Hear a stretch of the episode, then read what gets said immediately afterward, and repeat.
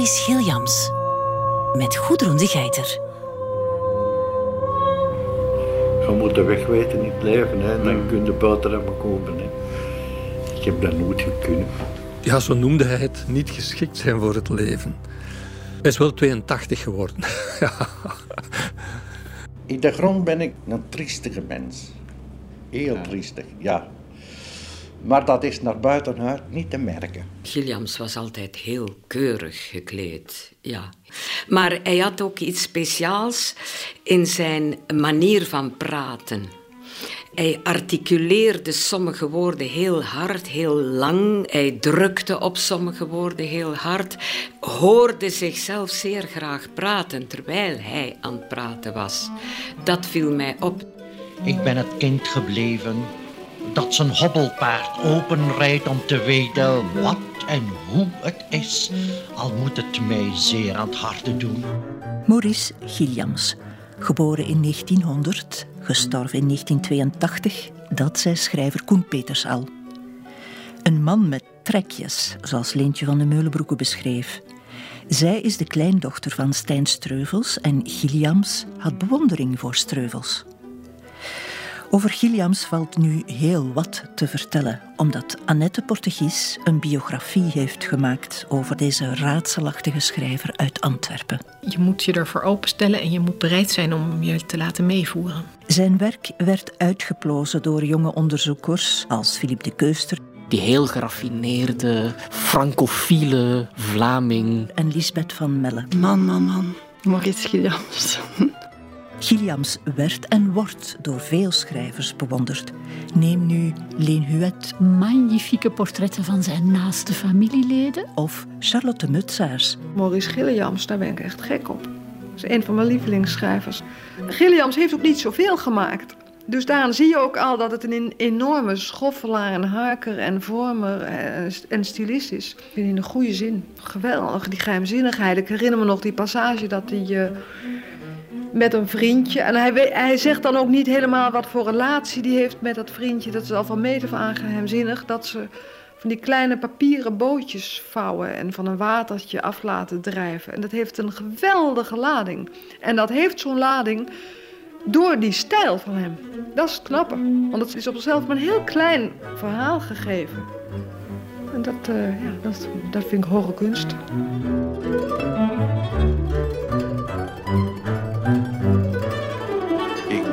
Auteur van clair-obscure zelfportretten. Ik ben een schrijver van clair-obscure zelfportretten, zegt hij zelf. Maar hij heeft ook magnifieke portretten nagelaten van zijn naaste familieleden, zijn ouders, maar ook zijn tantes, beroemde tantes Theodora en Henriette.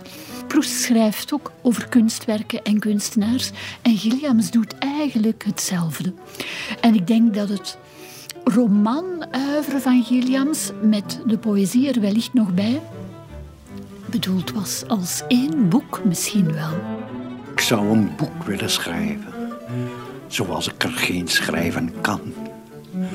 Het kon een middel zijn om er geheel niet te verdwijnen, zodat ik onzichtbaar werd voor mijn ouders, voor mijn vrienden, voor allen die mij willen zien en liefhebben. Hij nodigt uit om tussen de regels te lezen. Expliciet nodigt hij daartoe uit. En het is ook proza, dus niet alleen de essays, maar ook de romans, vind ik. En trouwens ook de poëzie.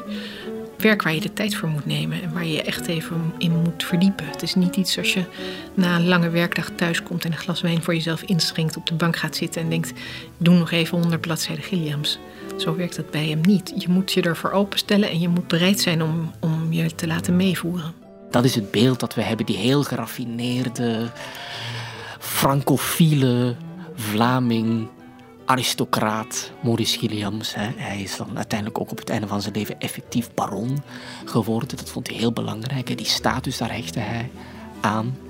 En dat is een beeld, ja, hoe, meer, hoe meer je inleest, dat, dat, dat bladgoud komt er toch sneller af dan je denkt. Ik was met die teksten bezig, maar ik ben natuurlijk met het schrijfproces van een auteur bezig, met zijn denkproces ook. Dat ik mij toch wel vaak die bedenking heb gemaakt. Man, man, man, dan maak je toch een heel groot ego rond jezelf.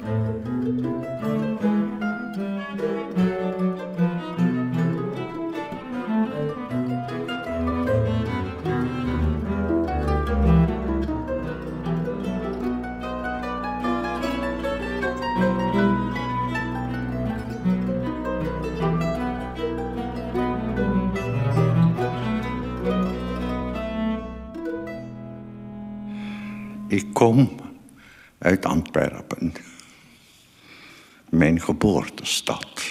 Hij schrijft over de avondkerken van zijn jeugd. Hij ging vaak met zijn moeder naar de kerk en hij ging ook vaak met zijn moeder in de avond naar de kerk. En dan niet zomaar. Het was natuurlijk in een periode dat er nog geen elektrische verlichting was. Dus die kerken werden s'avonds verlicht met kaarsen. En hij beschrijft, en dat vind ik zelf ook zo'n mooi beeld, hoe hij daar zit als kleine jongen naast zijn moeder. Zijn moeder zingt mee, die zingt de liederen mee, zijn moeder bidt mee. Maar hij zit daar en hij kijkt en hij ziet een vleermuis tegen de zoldering van zo'n kerk.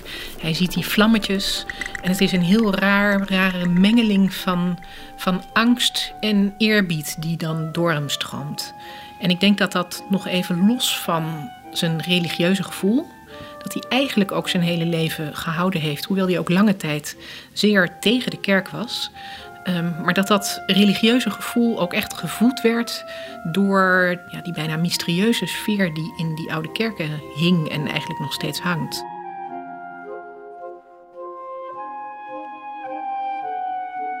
Louise Lambrechts was een Antwerpse, geboren in een gezin dat er um, eigenlijk trots op was dat ze van adellijke afkomst waren. En dat adellijke moet je je voorstellen als zeven generaties terug. Want het gezin waarin zij opgroeide was helemaal niet meer op een of andere manier op stand levend. Er waren twee kerken in Antwerpen waar ze heel vaak kwamen. Uh, met name dus de, de Sint-Jacob, waar Maurice is gedoopt en ook gevormd. Waar hij zijn eerste communie heeft gedaan.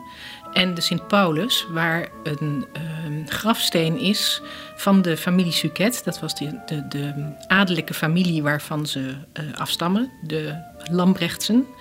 En uh, zijn moeder nam de kleine Maurice mee naar de Sint-Pauluskerk om daar te bidden op het graf van de familie Suquet. En dat is iets wat hij heel vaak heeft beschreven in verschillende teksten en ook in verschillende brieven. En ik herinner me nog um, dat ik zelf in de Pauluskerk ging kijken of ik dat graf kon vinden. En dat is dan een heel mooi moment voor een biograaf om te ontdekken: het is er echt, het bestaat echt.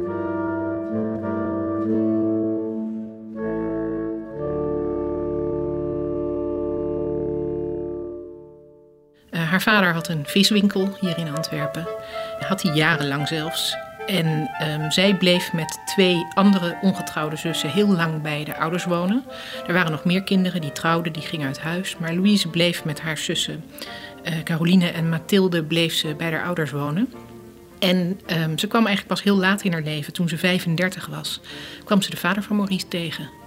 En tot die tijd was ze, ik denk, veel thuis. Ze is, weten we uit de brieven van Maurice, uh, op een kostschool geweest, een Franstalige kostschool. Ik vermoed, maar weet dat niet zeker, dat ze ook gewerkt heeft als lerares op een school. Uh, dat vermoed ik omdat ze met heel veel overtuigingskracht eigenlijk.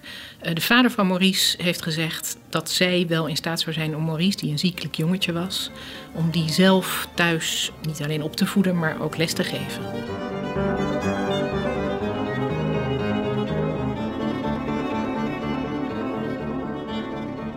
Ja, ze was al 36. Zeker in die tijd was dat laat. En dat betekende ook, tenminste vermoedelijk hangt het daarmee samen, dat de zwangerschap niet ongecompliceerd was en de bevalling al allerminst. Het was een stuitligging. De kleine Maurice lag ondersteboven. Dat wisten ze al van tevoren. En de vroedmeester die zou helpen bij de bevalling, die wist eigenlijk ook al van tevoren dat het heel ingewikkeld en heel moeilijk zou zijn om moeder en kind er allebei levend doorheen te krijgen. Dus voordat de bevalling plaatsvond, is er een priester aan het bed geweest om te zorgen dat ze het sacrament zou krijgen dat speciaal bedoeld is voor de mensen die gaan sterven. Dus de spanning in het geboortehuis die moet werkelijk te snijden zijn geweest in de dagen voor de bevalling. De zus van Louise, Mathilde, die als tante Henriette een belangrijke rol zou spelen in het uh, oeuvre van Maurice, die was wel aanwezig bij de bevalling, maar de vader zat buiten de kraamkamer op de trap te wachten en te zweten en te bidden, vermoed ik ook. Want hoewel de vader van Maurice echt niet kerks was en zelfs een uitgesproken hekel had aan het rooms-katholicisme, was hij wel gelovig in een bepaald opzicht. En ik weet zeker dat hij, um, nou ja, hij had er alles voor over om te zorgen. In ieder geval dat zijn echtgenote door deze bevalling zou komen. En um, ja, dat het ook nog lukte om het kind er levend uh, uit te halen, zal ik maar zeggen. Dat moet hem ongelooflijk veel plezier hebben gedaan.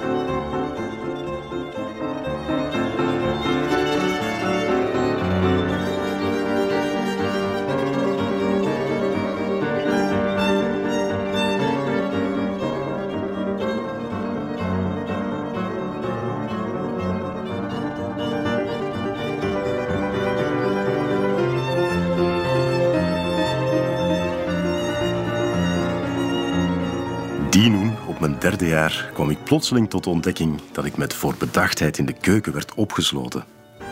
Zo gauw ik mijn moeder zag, als had ik er al mijn krachten voor gespaard, deed ik haar schrikken door mijn gehuil. Mijn moeder wierp haar parasol op tafel en trok me dicht tegen zich aan. En nu wij met ons tweetjes waren, haar arm om mijn schouder geslagen, wiegden wij samen heen en weer. En haar sussende woorden klonken me als een wonderwijsje in de oren. Elias, zegt ze, ik ben met oom Ferdinand in zijn tuintje geweest. In de volière floten de vogeltjes. En voor ik tot het besef was gekomen van alles wat ze nog meer vertelde, aleer ik haar tegenhouden kon, was mijn moeder rechtgesprongen. Ze liep naar boven en ik hoorde haar op de slaapkamer gaan. Daarna verscheen ze bij de pomp op het koertje. En toen ze bij mij weerkeerde, hield ze zoveel met water gevulde flesjes in haar handen bijeengeprankt. Het waren odeurflacons van gekleurd glas en in elk daarvan zette zij een bloemetje. Of misschien was het eenvoudig een groenteblad. Nu nam ze krijt en tekende op de tafel. Tussendoor de geïmproviseerde plantage, warge slingerlijnen, kruisjes, stippen en krabbels.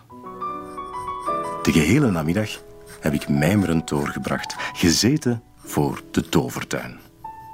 Ik raakte de koude, vochtige flesjes één voor één met de vingertoppen aan, zoals een schaakspeler die niet toe besluiten kan één pion te verplaatsen. De volgende morgen stond de tafel met het blauw en wit geruite tafelkleed gedekt. De kopjes glansden, de eieren stonden in de rode eiertopjes en de boterhammen lagen goud en geurig als in een sprookje. Op de koer, op de pompsteen, stonden de flesjes op een rijtje. Doodgewoon en zonder betekenis, in de fijne, stuivende regen.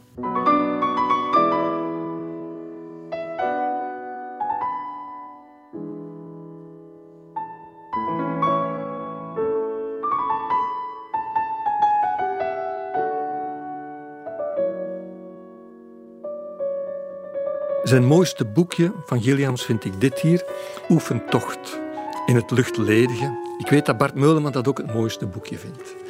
En dat gaat zo over die eerste herinneringen. Bijvoorbeeld de magie van de kleine jongen die in de keuken komt en de dingen in de kast ziet staan. En hij somt het dan heel schoon op, heel precieus. Het is bijna een gedicht. Gilliams kan heel zintuigelijk schrijven, als geen ander.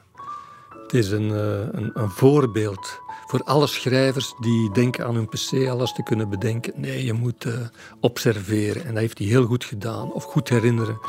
En dan het tweede, de sensualiteit die daar dan in zit.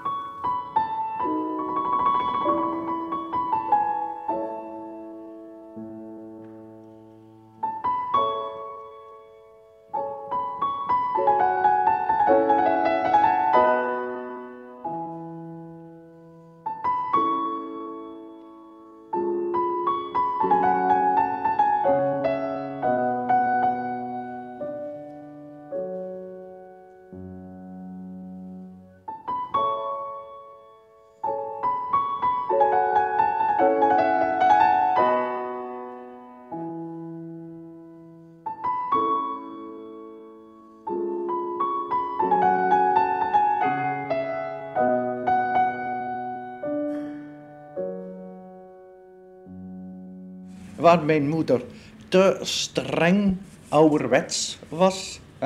Daar kwam mijn vader tussen met zijn uh, uilenspiegelachtige opgeruimdheid om dat in betere banen te kanaliseren. Mijn moeder was meer naar de vrome kant, hoewel dat ik mijn vader, die niet kerks was, een vroom man noem. Nu wij kennis hebben gemaakt met Louise Lambrechts, de moeder van Maurice, neemt biografe Annette Portegies ons mee naar zijn vader, drukker Frans Gilliams, zelf afkomstig uit een familie van wapensmeden. Zijn grootvader was smid, diens grootvader was smid, maar zijn vader koos voor een andere professie en dat was niet voor niks, want de wapensmeden van die periode die maakten maliënkolders en die maakten lansen en speren. En de oorlogsvoering was natuurlijk op een totaal ander plan gekomen in de loop van de 19e eeuw. Dus dat ambacht van wapensmid, dat verdween langzaam. Er was in ieder geval kennelijk geen geld meer mee te verdienen. Dus de vader van Maurice die moest een ander ambacht kiezen. En die koos heel erg idealistisch voor het drukkersvak. Want hij vond het van belang om het volk te verheffen. Het volk waar hij zelf onderdeel van was. En hij begreep dus heel goed dat hij als drukker en als zetter... dat hij daar een rol in kon vervullen. Door um, ja, inderdaad de teksten van andere mensen te drukken en te verspreiden onder het volk. Het was een heel idealistische man, die vader. Wel, mijn vader had dus een drukkerij en die droomde ervan, zoals alle vaders, dat ik zijn opvolger zou worden. Hè? Als katholiek en ook getrouwd met een katholieke vrouw was het voor hem uitgesloten dat hij zich uh, partijpolitiek zou engageren. Maar de typografenbond hier in Antwerpen was ook niet partijpolitiek. Eigenlijk de enige vakbond die niet vanuit de Socialistische Partij werd aangestuurd. En dat wilde hij ook heel graag zo houden, dat begrijp ik, want hij wilde er graag betrokken bij blijven. En um, hij heeft zich dus ook echt ingezet vanuit drukkerij De Voorzorg, hier in Antwerpen gevestigd op de Ossenmarkt. Zelfs nog tot in de jaren tachtig heeft die drukkerij bestaan heeft hij zich ingezet bijvoorbeeld door een school te beginnen, een typografenschool in de drukkerij, zodat jongens een vak konden leren. Maar ook door stakingen te leiden en door, nou ja, om maar eens wat te noemen, in de Rupelstreek, hier in de omgeving van Antwerpen, op zondagmiddag, wat de enige vrije middag was die hij had in de week, om daar dan naar de cafés te gaan om arbeiders op te roepen om niet zoveel te drinken. Er waren drukkerijen waar dat in de winter de gasten zelfs hun kolen moesten meebrengen om de atelier te verwarmen. Je kunt er niet in denken. Hè? Hij is ook een van de eerste geweest, maar hij had er allemaal later benamingen voor. Van een werkloze steun bijeen te brengen door een bijdrage van gast en, en de patroon. Ja? Enzovoort. Dat viel allemaal in het water als, als Chinees in die tijd. Dat is, dat is voor 1900, dat is in de jaren 90 allemaal. Hm? Toen zijn vader wegging bij drukkerij De Voorzorg op de Ossenmarkt, hij ging daar weg met ruzie, met een conflict, met een reeks van conflicten eigenlijk. Uh, toen heeft hij in de Pruinenstraat 3 heeft hij een handelsdrukkerij overgenomen. En daar nam hij het materiaal over wat er al stond. Dus dat was een degelpers en nog een paar andere handpersen. Maar hij heeft er ook nieuw materiaal naar binnen laten brengen. Daar heeft hij geld voor geleend van een oom van Louise Lamprechts. En dat hele huis, het was niet zo groot, dat hele huis stond helemaal vol met apparatuur. Dus als de kleine Maurice thuis was, dan was het daar de hele dag door was het daar een ongelooflijk lawaai. Want al die apparaten stonden te draaien, die persen draaiden, de, de draaide. Alles draaide en, en, en brulde. En hij moet daar, denk ik, af en toe tureluurs van zijn geworden. Dus ik kan me zomaar voorstellen dat stilte voor hem iets belangrijks was en ook iets wat hij koesterde.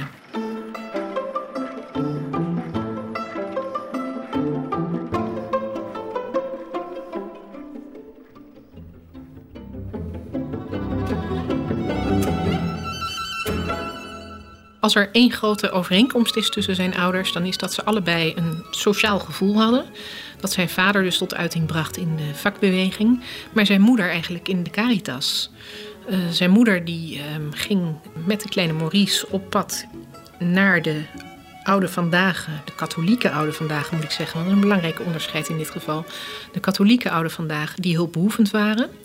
En uh, daar ging ze naartoe om ze de voeten te wassen in navolging van Christus en in navolging van de heilige Vincentius ging ze op pad om. Uh, ze bracht ook appels mee, uiteraard. En er werd ook vast op een andere manier goed gedaan. Maar de kern van de zaak was: de voeten moesten worden gereinigd. Met de gedachte dat daarmee de zielen gereinigd zouden worden. En Maurice ging mee met zijn moeder. Dat was ook belangrijk voor haar. Zijn moeder was een heel angstige vrouw.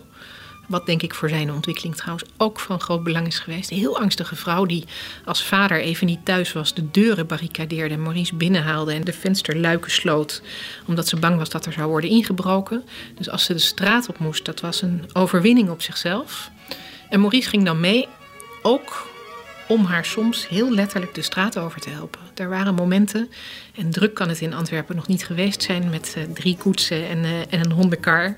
Maar dan durfde ze de straat niet over. En dan moest die kleine Maurice moest haar aan de hand meetrekken de, om haar de straat te laten oversteken.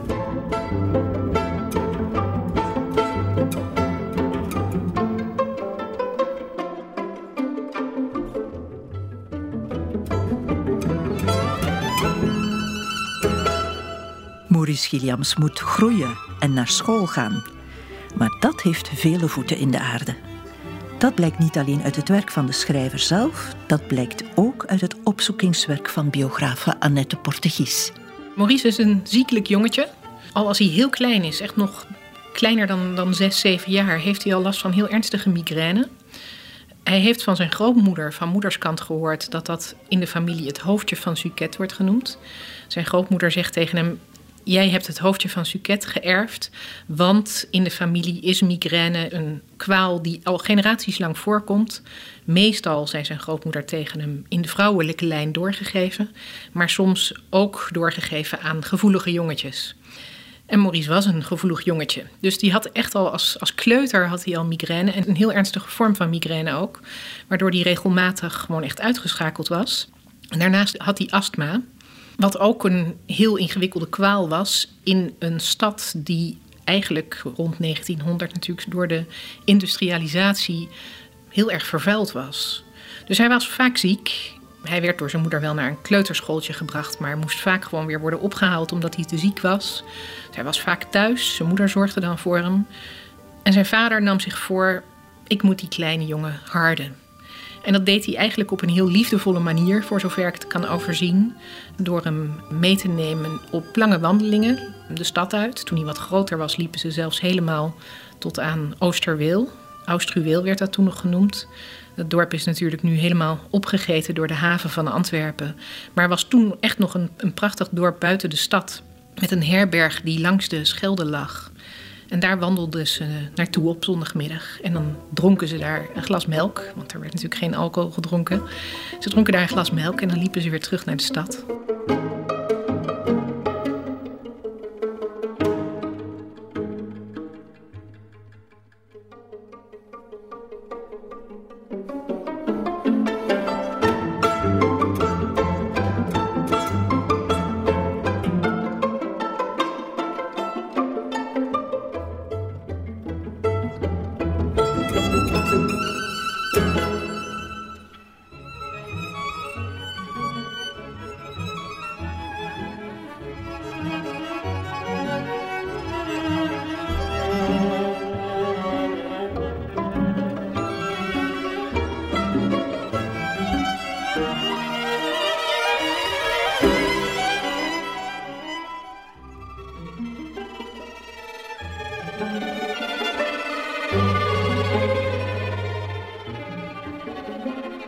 Kleine jongen zat ik zomers met mijn vader aan het loodshuis uit te rusten van onze lange wandeling aan de havenkant.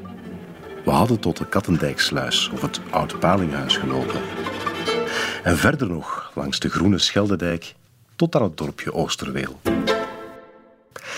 Lijk vier monsters uit de voortijd kwamen de stomers de rivier opgevaren. We gingen in het gras zitten en tuurden zwijgend naar het verre Antwerpen, dat op dit uur gedroomd scheen met een karmijnen schittering van de ondergaande zon in de vensterruiten langs de kade. Er was ergens de plotse ontsteltenis van een plons in het water. Stilaan begon alles meer en meer te vergrauwen. De stapelhuizen zagen eruit als zwartgebrande resten na een onweer. Het gefluit van een trein trok een pijnlijke draad door de lucht. En zo kwamen we dan over de bruggen, in de Nassaustraat, op het Van Schoonbekenplein waar de winkelramen reeds waren verlicht. Oliegoed en laarzen voor zeelieden hingen buiten, bewegend in de wind als reuze zwarte kadavers van naamloos weergekeerde over gedroomde oceanen. Doch een haven beschrijft me niet. Men ziet en men hoort ze, men proeft en men ruikt ze. Men wil op het spoor komen van haar tragiek.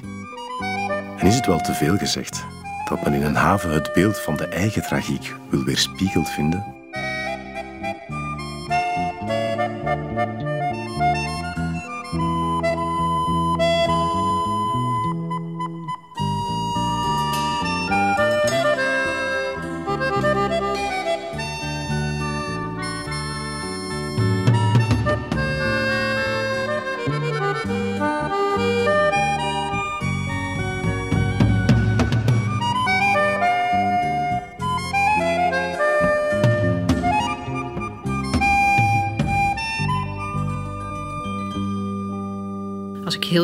Denk ik dat zijn moeder een eenzame vrouw was. En dat ze het ook prettig vond als Maurice in haar omgeving was. Dus ik denk ook dat hij misschien iets vaker van school is weggehaald dan strikt noodzakelijk was vanwege zijn migraine en zijn astma. Niettemin, Maurice was vaak ziek, dus die was ook vaak thuis. Maar ze bracht hem wel eerst naar het uh, kleuterschooltje van de zusters Marie Kolen. Hier vlak om de hoek van het letterhuis trouwens, in de Minderbroederstraat. Daar bracht ze hem naartoe eigenlijk op aanraden van haar oom Josse. Die vond dat het jongetje, wat natuurlijk een enig kind was, veel te eenkennig eh, werd. Dus die dacht, het is niet gezond, die moet andere kinderen ontmoeten. Dus vandaar dat ze hem naar de zusters Mericole stuurde. Daar is hij gewoon op school geweest. Dat ging eigenlijk redelijk goed, behalve dan dat hij vaak thuis was. Daarna is hij nog naar een lagere school geweest van de Broeders van Liefde. Die lagere school, de Prinses Marie School, die was eigenlijk ook vlak bij zijn ouders in de buurt. Hij kon er, ik weet niet of dat mocht. Ik denk het eigenlijk niet. Ik denk dat ze dat niet aandurfde om hem alleen te laten lopen. Maar het, had gekund, want het was werkelijk maar op 200, 300 meter afstand van waar hij woonde. Dus daar is hij ook op school geweest. Dat was ooit een school voor armlastige kinderen. Maar in de tijd dat Maurice er op school ging, uh, was dat niet meer zo. Was het eigenlijk een vrij grote school. Er waren een paar honderd leerlingen, een paar honderd jongetjes vooral. En de ouders betaalden schoolgeld als ze dat konden betalen. Um, de vader van Maurice deed dat overigens ook. De kasboeken en de uh, administratie van de drukkerij van zijn vader die is helemaal bewaard gebleven. En daar werden ook de privéuitgaven in genoteerd. Dus ik kan precies zien in welke maanden er voor Maurice ook uh, schoolgeld is betaald. Dus zijn vader betaalde ook schoolgeld voor de lagere school hier in Antwerpen. Reeds zijn kindertijd was zwoel en woelig van graag aangekweekte zelfpijniging die uit de emotie van overschatte teleurstellingen is ontstaan. Hij noemde zich met bepaalde ijdelheid een zelfkoesteraar. Als hij het als kleine jongen al doet, noemt hij het ook het spel. Vooral in ontwaringen heeft hij dat gedaan. En het spel is zo'n toestand waarin hij zichzelf kan brengen door in de wereld van zijn fantasie te verdwijnen. En waardoor hij soms letterlijk ziek wordt en valt hij letterlijk flauw bijvoorbeeld. En dat is ook zo'n moment dat zijn moeder moet worden geroepen om hem te komen ophalen. Dus hij kan heel erg ver afdalen in die fantasiewereld. En hij, hij doet dat ook bewust. Um, hij beschrijft het in de fictie bijvoorbeeld ook, dat de kleine Elias rauwe koffiebonen eet die een hallucinerende werking zouden hebben. Dus hij, hij is ook als kind is hij kennelijk bewust bezig om die toestand buiten de werkelijke wereld om die te bereiken.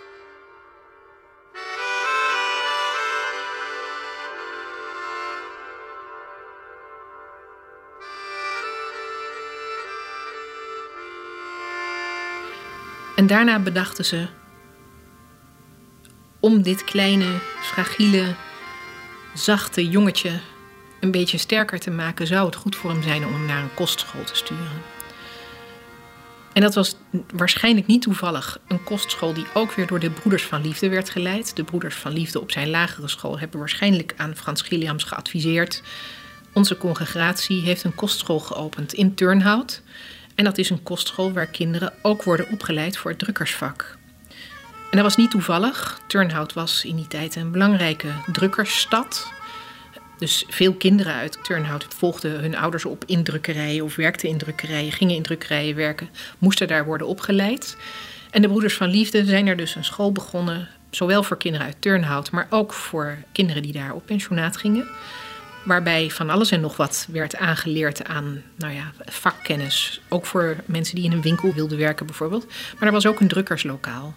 Dus het lag eigenlijk heel erg voor de hand dat de kleine Maurice naar Turnhout zou gaan. Met de gedachte, dan kan hij later werken in de drukkerij van zijn vader en die drukkerij misschien zelfs overnemen. Op zijn negen jaar wordt hij naar Sint-Victor gestuurd. Ik ben ook van Turnhout. Ik ben gelukkig niet naar Sint-Vic gestuurd, maar naar het Sint-Pieter ook als je de architectuur bekijkt van die twee scholen, compleet anders zijn trouwens. Sint-Vic is inderdaad zo'n katholieke instelling, Broeders van Liefde. Altijd al een rare benaming gevonden, Broeders van Liefde. Terwijl Sint-Pieter was zo'n moderne school, lag aan de Jubileumlaan aan de rand van de stad. Modern, veel lichtinval enzovoort. En Sint-Vic was iets anders. Zeg, zet dat af, hè. Hij heeft het daar heel, heel zwaar gehad. Hij was nog jong toen hij daar naartoe ging. Hij was net negen. Dat was jong voor een kind dat naar kostschool ging. Dus hij was daar ook. Hij kwam daar ook aan als een van de jongere kinderen. Hij had altijd gehangen aan de rokken van zijn moeder. Dus hij moest daar opeens afscheid nemen van zijn moeder. Wat echt een verschrikkelijke gebeurtenis voor hem moet zijn geweest. Hij moet zich ontstellend verlaten hebben gevoeld. En hij kwam daar terecht in een kostschool waar hij eigenlijk, ik denk dat het daarmee is begonnen, waar hij werd gepest. En hij werd niet een beetje gepest, hij werd echt verschrikkelijk gepest. Het was een mooi jongetje, een tenger jongetje. Er werd gevoetbald op die kostschool, maar hij kon niet meevoetballen. Dat had hij nooit geleerd. En als hij het wel had geleerd, dan was hij waarschijnlijk binnen 10 minuten ondersteboven gelopen. Dus als de andere jongetjes aan het voetballen waren, dan stond de kleine Maurice langs de kant om te kijken. Zijn moeder stuurde hem steeds maar opnieuw prachtige kleertjes. Hij kreeg kanten kraagjes voor over zijn jasjes. Ehm, hij had een wandelstokje bij zich. Hij had van die hele mooie kanten handschoenen bij zich. Hij werd getreiterd, hij werd gepest, hij hoorde er niet bij. Hij was anders dan de andere jongetjes. En dat lieten ze hem merken. Ehm, dat lieten ze hem merken uh, verbaal.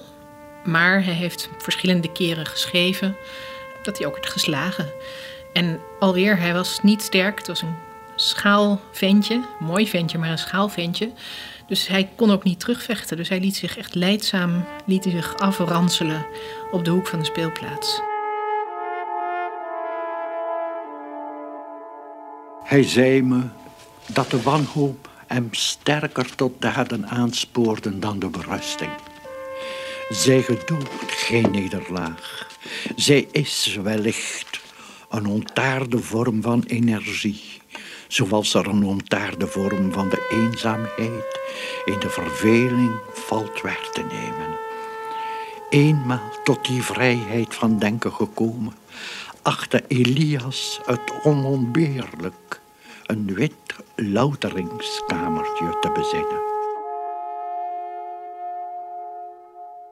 Toen hij terugkwam uit Turnhout, toen hebben zijn ouders en dat wijst er denk ik op dat ze werkelijk geen idee hadden wat er met hem aan de hand was. Weer naar een school van de Broeders van Liefde gestuurd. Deze keer in Antwerpen, Sint-Lodewijk. En daar kwam hij in een ander klimaat terecht. Daar kwam hij sowieso, hij was ouder. Ook daar had hij twee vriendjes bij wie hij zich thuis voelde. En die, denk ik, jongetjes waren die in een bepaald opzicht op hem leken. Dat we moeten ook jongetjes zijn geweest die nou ja, niet zo van die stoere wilde brassen waren. Ze werden door hun klasgenoten de drie bloemenmeisjes genoemd. Dat zegt denk ik genoeg. Maar ze waren daar met z'n drieën en ze werden daar minder gepest. En ook, er was één broeder, broeder Vitalinus. En broeder Vitalinus had in de gaten dat Maurice een bijzonder jongetje was. En ik denk dat dat bijzondere zat in dat hij zeer intelligent was. Dat kan niet anders dan toen hij een jaar of veertien was ook heel duidelijk al naar voren zijn gekomen. Dus met deze broeder Fritalinus heeft hij echt een soort vriendschap opgebouwd. Die voor hem heel erg belangrijk is geweest. Want ik denk dat broeder Vitalinus, behalve zijn ouders eigenlijk, de eerste is geweest die hem heeft gezien. Bijna letterlijk, die hem heeft gezien in wie hij was. En die hem daarin heeft gestimuleerd en heeft gezien: dit is een bijzonder kind. En dit is een kind dat anders is dan andere kinderen, maar dat is niet erg. Deze jongen mag zijn wie hij is. En ik denk dat hij dat heel erg heeft gevoeld. Een van de dingen die ik zelf heel mooi vond om te zien is: ik heb ooit een foto gezien die helaas te slecht van kwaliteit is om hem af te drukken, te reproduceren. Maar zo'n foto, een schoolfoto die gemaakt is vanaf het dak van Sint-Lodewijk. Een foto die is gemaakt dus in de speelplaats. En je ziet van boven een speelplaats met tientallen, misschien wel honderden kleine jongetjes. Van ver afgenomen dus uiteraard. En je ziet in één hoek van de speelplaats, daar staan de broeders. Dat is zo'n zwarte hoek. Daar staan de broeders bij elkaar. En ik dacht, nu eens kijken. Je kan op je beeldscherm van je computer die foto eindeloos vergroten. Kijken of ik Maurice kan vinden op die speelplaats tussen die honderden jongetjes. En als waar is wat ik vermoed, dan staat hij naast broeder Vitalinus en Warempel. Hij staat naast broeder Vitalinus. En daarvan denk ik, ja, dat is gewoon. Het is een man geweest die heeft laten zien dat hij er mocht zijn. Dus ze hebben ook brieven gewisseld. Broeder Vitalinus stuurde kaarten met zijn verjaardag. Dat deed hij misschien met alle jongetjes uit de klas. Maar Maurice heeft de zijne bewaard. En toen hij later als puber ging publiceren, zijn eerste boekjes ging publiceren, toen heeft hij ze ook gemaakt, ook voor broeder Vitalinus, ook opgedragen aan hem, gezorgd dat hij ze kreeg. Bij sommigen weet ik niet zeker of hij ze heeft durven geven, want die bevinden zich dan uiteindelijk nog in het archief van Maurice Gilliams zelf, maar wel met een opdracht aan deze Vitalines. En er is inderdaad ook een mooie foto van de broeder met Maurice ernaast. Ja, is hij inderdaad trots op. We moeten het nog hebben over een opmerkelijk lid uit de familie van Gilliams aan moederszijde. Zij was ook aanwezig bij de geboorte van Maurice. En ze spookte rond in Elias of het gevecht met de nachtegalen. God, er zit zoveel in dat boek, schitterende zinnen. Boek waarvoor dichter Bernard de Wulf nooit zijn bewondering wegstak. Dat heeft ook met vriendschap te maken, met een diepe vriendschap. Koen Peters borduurt voort op het thema Aloysius. Aloysius, niet Aloysius, hè? Ludo Simons, aan wie Gilliam zijn laatste wil naliet, weet dan weer hoe je dat moet uitspreken.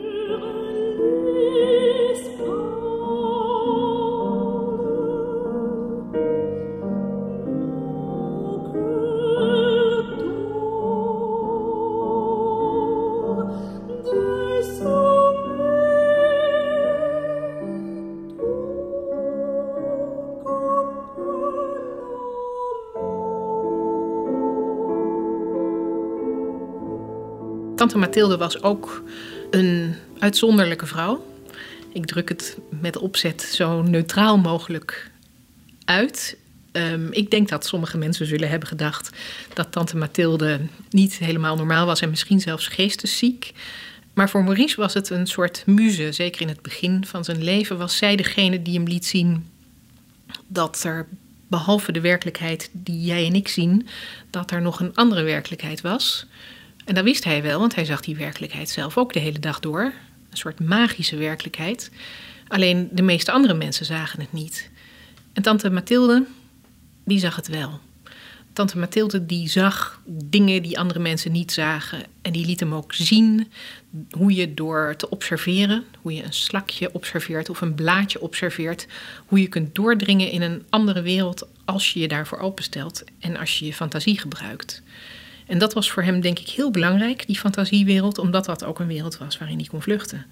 In de tijd dat het slecht met hem ging, in de tijd dat hij het bij de broeders van liefde zo ontzettend zwaar had, moest hij weg. Hij moest weg uit de wereld van alle dag. En een van de manieren waarop hij het heeft weten te redden, is door zich terug te trekken in die wereld die daar achter lag, of die daar boven lag, of in ieder geval de wereld waar zijn tante zich ook bevond. En dat is voor hem, denk ik, zijn redding geweest. En dus echt van cruciaal belang.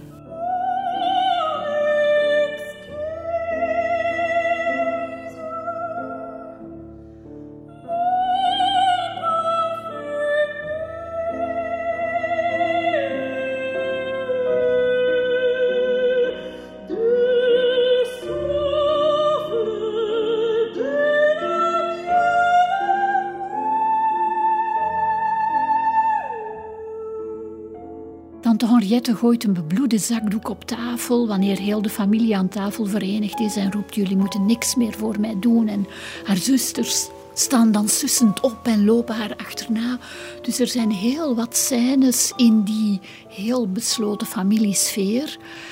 Ik vind dat Gilliams met enorm veel liefde over zijn tante Henriette schrijft, die een vrouw moet zijn geweest. Uh, ja, die haar enige kans op geluk verspeeld zag door laster en roddel en die toch op een bepaalde manier bleef streven naar dat geluk. Die ook een vrouw was met een heel fijn artistiek aanvoelen, die zelf toneelstukken vertolkte, in haar eentje dan, die ook uh, ja, een goede tekenares moet zijn geweest, of die in elk geval wist wat ze een kind dat wilde tekenen moest meegeven. Hoe moet je kijken? Wat moet je tot uitdrukking brengen in een tekening?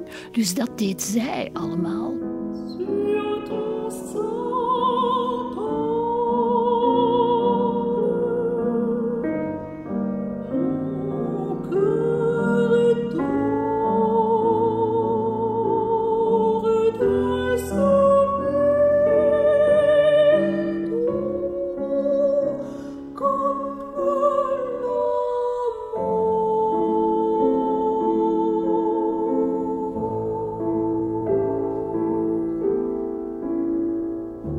Maurice was getalenteerd in heel veel verschillende eh, takken van kunst.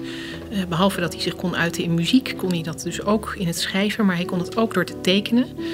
En dat zijn allemaal dingen die hij heeft geprobeerd en waarvan zij heeft laten zien hoe dat moest, hoe hij dat moest doen en hoe hij zich door zich daar geconcentreerd op te werpen, hoe hij daar iets bijzonders van kon maken.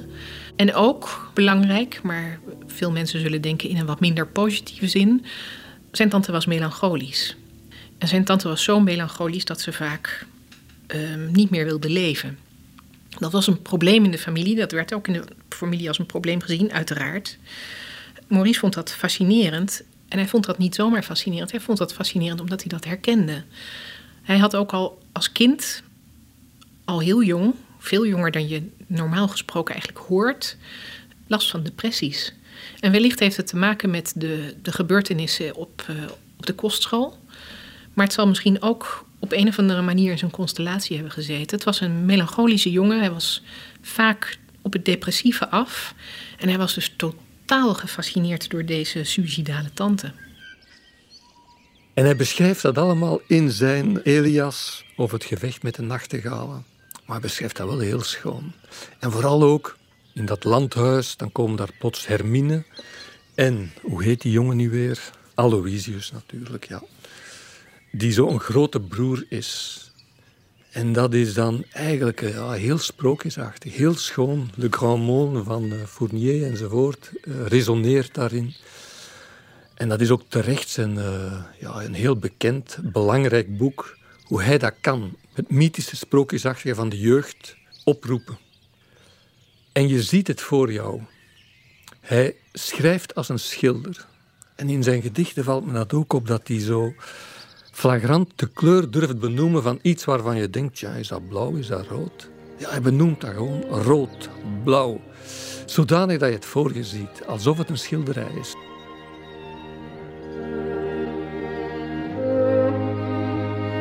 De openingszin, maar die is erg bekend. Hè? Ja, dat is zo'n mooie zin. Als Aloysius ons hart verontrust, hangen we in de werkelijkheid ondersteboven als betoverde apen. En zo staat dat pomvol met dat soort uh, tegelijkertijd messcherpe zinnen die toch iets, een, een hele sfeer oproepen. Wanneer Aloysius ons hart verontrust, hangen we in de werkelijkheid ondersteboven als betoverde apen. Hij is 16 en ruim vier jaar ouder dan ik. S'avonds in bed plooien wij papieren bootjes die we de volgende dag op de beek het landgoed laten buitendrijven. Onder de dekens verborgen zit Aloysius, ik vermoed met een potlood, te prutsen. Zonder zich aan mij te laten zien, reikt hij mij één voor één de cahiers aan waarin ik regelmatig dezelfde vouwen zet. Ik begrijp natuurlijk de geheime wetten niet van dit curieus spel en ik doe hem blindelings na in zijn bedachtzame verrichtingen.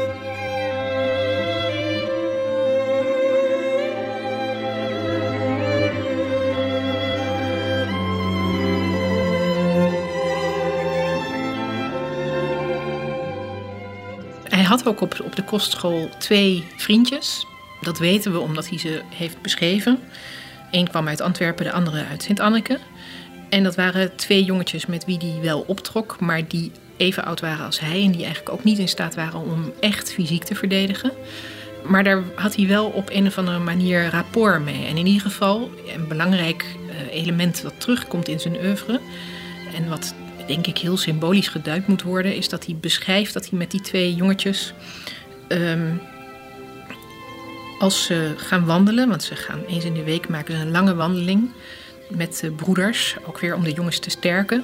En tijdens die wandeling voeren zij met z'n drieën een soort geheim ritueel uit. En dan schrijven ze de initialen van, van hun namen schrijven ze op papiertjes en daar maken ze proppen van. En die laten ze achter op de hei. En dat symbool, om eigenlijk flessenpost achter te laten, zal ik maar zeggen. Uh, dat is iets wat op verschillende plekken in zijn oeuvre komt dat terug. Dat was voor hem denk ik belangrijk en het was denk ik ook een symbool voor hem voor zijn schrijverschap. Je laat iets achter, je schrijft iets van jezelf op papier en je laat het achter en je weet niet wie het gaat vinden. Je weet niet wie het leest, je weet niet hoe mensen die het vinden, hoe die het openmaken en bekijken en interpreteren. En ik denk dat dat de basis daarvan, die is al gevormd daar op de hei, iets ten noorden van Turnhout. Misschien ook al op Sint-Anneke, waar hij met Armand wel degelijk ook van die bootjes maakte die ze op de beek en op de Schelde lieten varen. Maar het duidelijkst heeft hij dat beschreven in zijn autobiografische geschrift Ontwarringen, waar het die twee vriendjes betreft en waar ze die proppen achterlaten op de hei.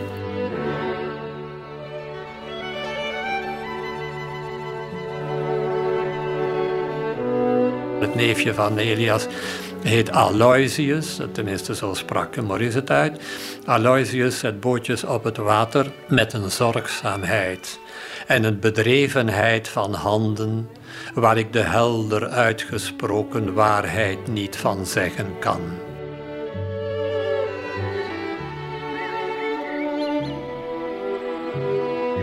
je kunt dat ook hebben met je goede vrienden, dat je zo heel gebiologeerd je afvraagt van hoe doet hij het?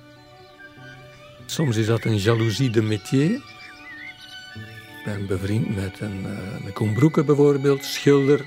Oh, fantastisch hoe hij kan schilderen. Hoe dat hij kan piano spelen. Ik was vroeger, het is goed om dat op Clara te vertellen, Piano zei me niks, maar sinds ik hem heb zien piano spelen en samen wat dingetjes op, opgetreden, samen gedaan enzovoort, ja, ben ik daar veel gevoeliger voor gewonnen. En dat is een, een verrijking voor mij. Kan niet stelen van een pianist, maar ik kan wel uh, die liefde op een of andere manier erven. En dat heeft ook met vriendschap te maken, met een diepe vriendschap die tegelijkertijd misschien ook wat functioneel is. En dat je samen een eind weegs gaat en soms gaat het dan uiteen en zo.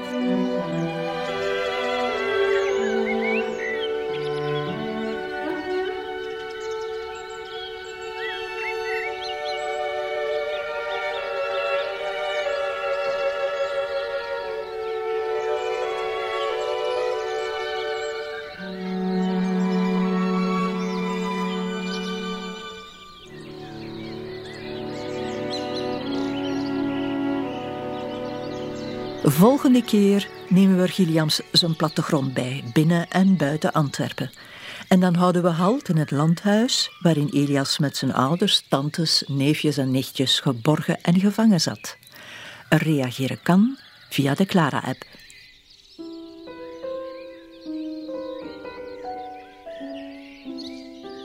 Dat hij zo ontzettend geworsteld heeft, tenminste dat is mijn conclusie, dat hij zo geworsteld heeft met zijn identiteit wie ben ik? Hij kwam uit een gespleten gezin, zou je kunnen zeggen. Met aan de ene kant die zeer roomse, vrome moeder. En aan de andere kant die vader die in de vakbeweging actief was. En die eigenlijk met dat hele roomse gedoe niet zoveel op had. Hij was enig kind, dat zal er ook mee te maken hebben gehad. Hij werd eigenlijk bijna opgegeten door zijn moeder, die alle aandacht die ze had en alle liefde die ze had op dat kleine jongetje projecteerde. Hij werd daar opeens uitgescheurd toen hij naar, naar die kostschool moest, waar hij dus werd gepest, waar hij, is mijn conclusie althans, werd misbruikt. En op het moment dat hij begon na te denken over wie hij was, zoals alle mensen dat meestal hebben in de puberleeftijd, was hij totaal de weg kwijt. Hij wist niet wie hij was. Dus hij moest dat gaan uitvinden, hij moest dat gaan uitzoeken. En dat heeft hij eigenlijk is hij dat een heel groot gedeelte van zijn leven is hij dat blijven doen. Wie ben ik? Wie ben ik? Wat was de, de grote zoektocht was dat in eigenlijk in alles wat hij las en ook in alles wat hij schreef.